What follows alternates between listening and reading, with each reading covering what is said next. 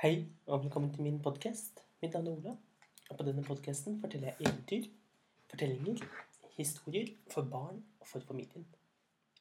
Og I dag så skal vi til et folkeeventyr som eh, vi bl.a. finner i Asbjørnsen og Moe. Om gutten som gikk til nordavinden etter mel. Det var en gang en gutt. Han bodde på en gård. Men han var fattig. Og på denne gården så hadde han en mølle. For han kvernet mel. Han kvernet korn og gjorde om til mel. Og han hadde akkurat vært og kvernet kornet sitt. Og hadde nå en stor, fin kurv full med mel. Men han hadde ikke før kommet ut på trappen før nordavinden kom flyvende forbi og suste om ørene på han og blåste alt melet som han hadde i kurven, med seg, og forsvant. Og gutten, han gikk tilbake inn og kvernet nytt korn, til han på ny hadde kurven helt full. Så gikk han ut på trappen, men nok en gang så kjente han vinden suste, nordavinden suste ned og tok alt, alt melet hans. Så gutten begynte å bli litt arg nå, men han gikk inn en tredje gang. Han kvernet kornet, og nok en gang fylte han fylte han en fin, stor kurv full av mel.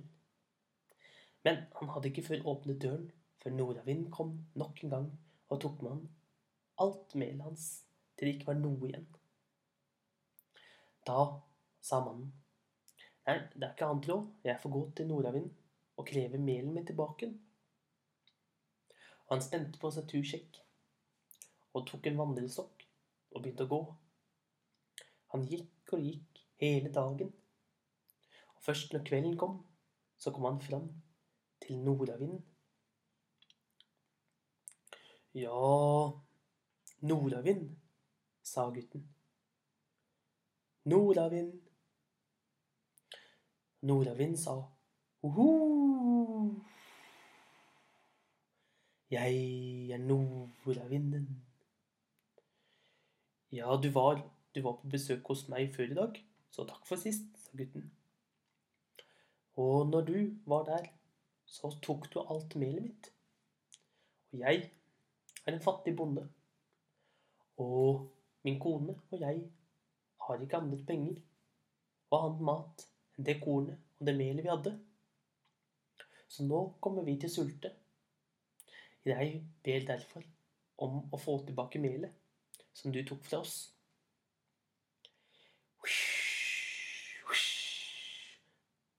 Jeg har dessverre ikke noe mel lenger, sa nordavinden. Det har jeg for lengst sluppet over de blå fjellene, langt, langt over havet, over skoger. Men jeg er en redelig nordavind, så du skal få erstatning for melet ditt. Her har du en duk. Denne duken er magisk. Og hvis du sier 'duk', dekk deg opp, da vil den dekke seg med den deiligste mat du kan forestille deg. Og gutten testet duken med en gang. Han ba 'duk, dekk deg til'. Duken dekket seg til med de deiligste retter.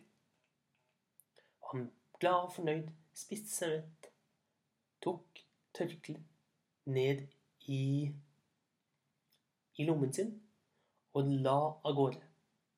Han gikk og gikk hele dagen. Men når kvelden kom, så, og det begynte å bli mørkt, så begynte han å lete etter et vertshus hvor han kunne sove. Og han fant et vertshus der gikk han inn. Men han bestilte ikke noe mat. Istedenfor satte han seg ned innerst i et hjørne. Og mens alle de andre satt og spiste, så sa han, Duk, dekk deg til. Og duken dekket seg til med de deiligste retter. Dette så konen til eieren av stedet. Og hun sa til mannen sin, Du, se her, se på den duken. De begge to sto og så på alt, all den deilige maten som duken tryllet fram. Og konen sa, du må skaffe meg denne duken. For med en slik fantastisk duk trenger jeg aldri mer å lage mat, eller streve med å lage nok mat til denne kafeen. Og når natten kom, og alle hadde sovnet, da snek konen seg inn på rommet der hvor mannen sov. Og hun hadde med seg en duk som var helt lik den han hadde. Og hun byttet duken med mannen, slik at han fikk en helt alminnelig duk. Siden så skyndte hun seg ned og sa, duk, dekk deg til, og hun fikk alle de deiligste retter. Neste morgen så våknet gutten. Han, eh, han eh, la av gårde, og et langt og lengre natt så kom han endelig hjem. Og han sa, nå har jeg vært hos nordavinden, og han var, han var snill, han. Han ga meg denne duken. Duk, dekk deg til. Men duken gjorde ingenting. Det kom ikke så mye som en brødsmule. Duk, dekk deg til, sa gutten både to og tre ganger, men ingenting skjedde. Nei, det fins ikke andre råd. Jeg får dra tilbake til nordavinden og be om erstatning for melet. Og han la i, la i vei og gikk både langt og lenger enn langt. Og til slutt så kom han fram tilbake til nordavinden og ropte Du, hei, nordavind!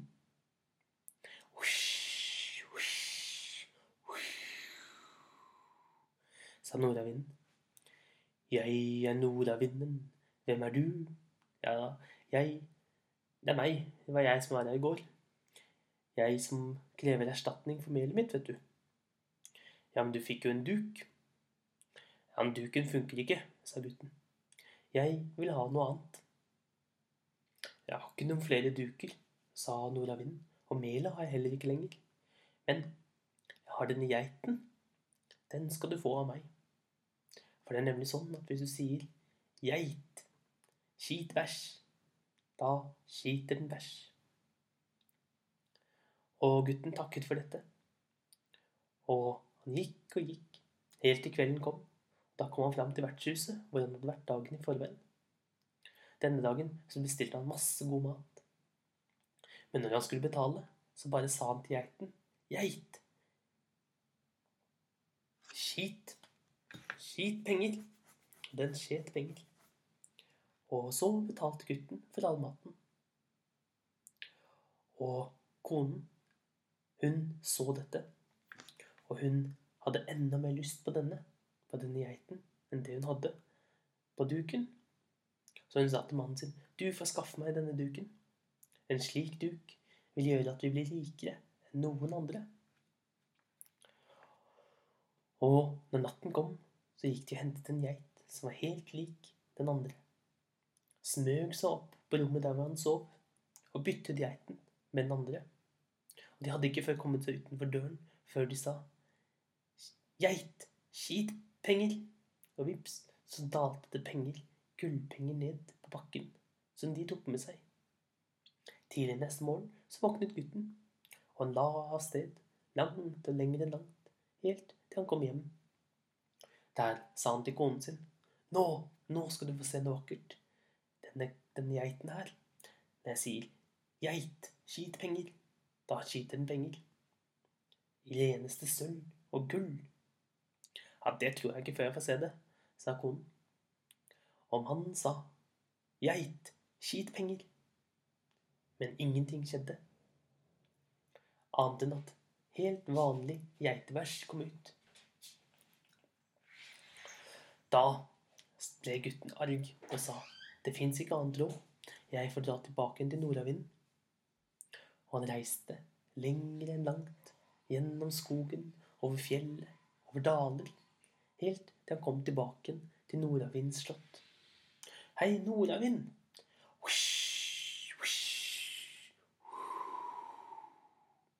Jeg er nordavinden, hvem er du? Å, er det deg igjen? sa nordavinden.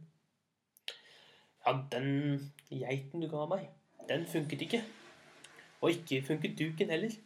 Jeg vil ha erstatning for melet mitt. Ja, noe mel har jeg ikke. Og noen duk har jeg heller ikke lenger. Og ikke har flere geiter. Det eneste jeg har igjen nå, er en stokk. Og den stokken er slik at når du sier 'kjepp, slå til', så vil kjeppen slå alle som er rundt, helt du sier 'kjepp, stopp'. Det takket mannen for, og nå hadde han en mistanke om hvor det var blitt av geiten og duken. Og han gikk tilbake til vertshuset der han hadde vært kvelden i forveien. Og han passet på å vise fram den fine kjeppen sin, men ikke vise hva den kunne. Og når natten kom, så var de ganske riktig så kom kona og mannen for å stjele kjeppen. Men gutten, han sov ikke. Han hadde øynene åpne, og så fort de åpnet døren hadde kommet vel inn, da sa han kjepp, slå til, og kjeppen til å denge og slå. Til konen og mannen ropte og ba seg, stopp, stopp, stopp. Det var vi som tok geiten din og duken din. Du skal få dem tilbake igjen. Bare få denne stokken til å slutte å slå. Kjepp, stopp. Og kjeppen stoppet. Og mannen og konen turte ikke annet enn å gi tilbake både geiten og duken. Så reiste gutten glad og fornøyd tilbake.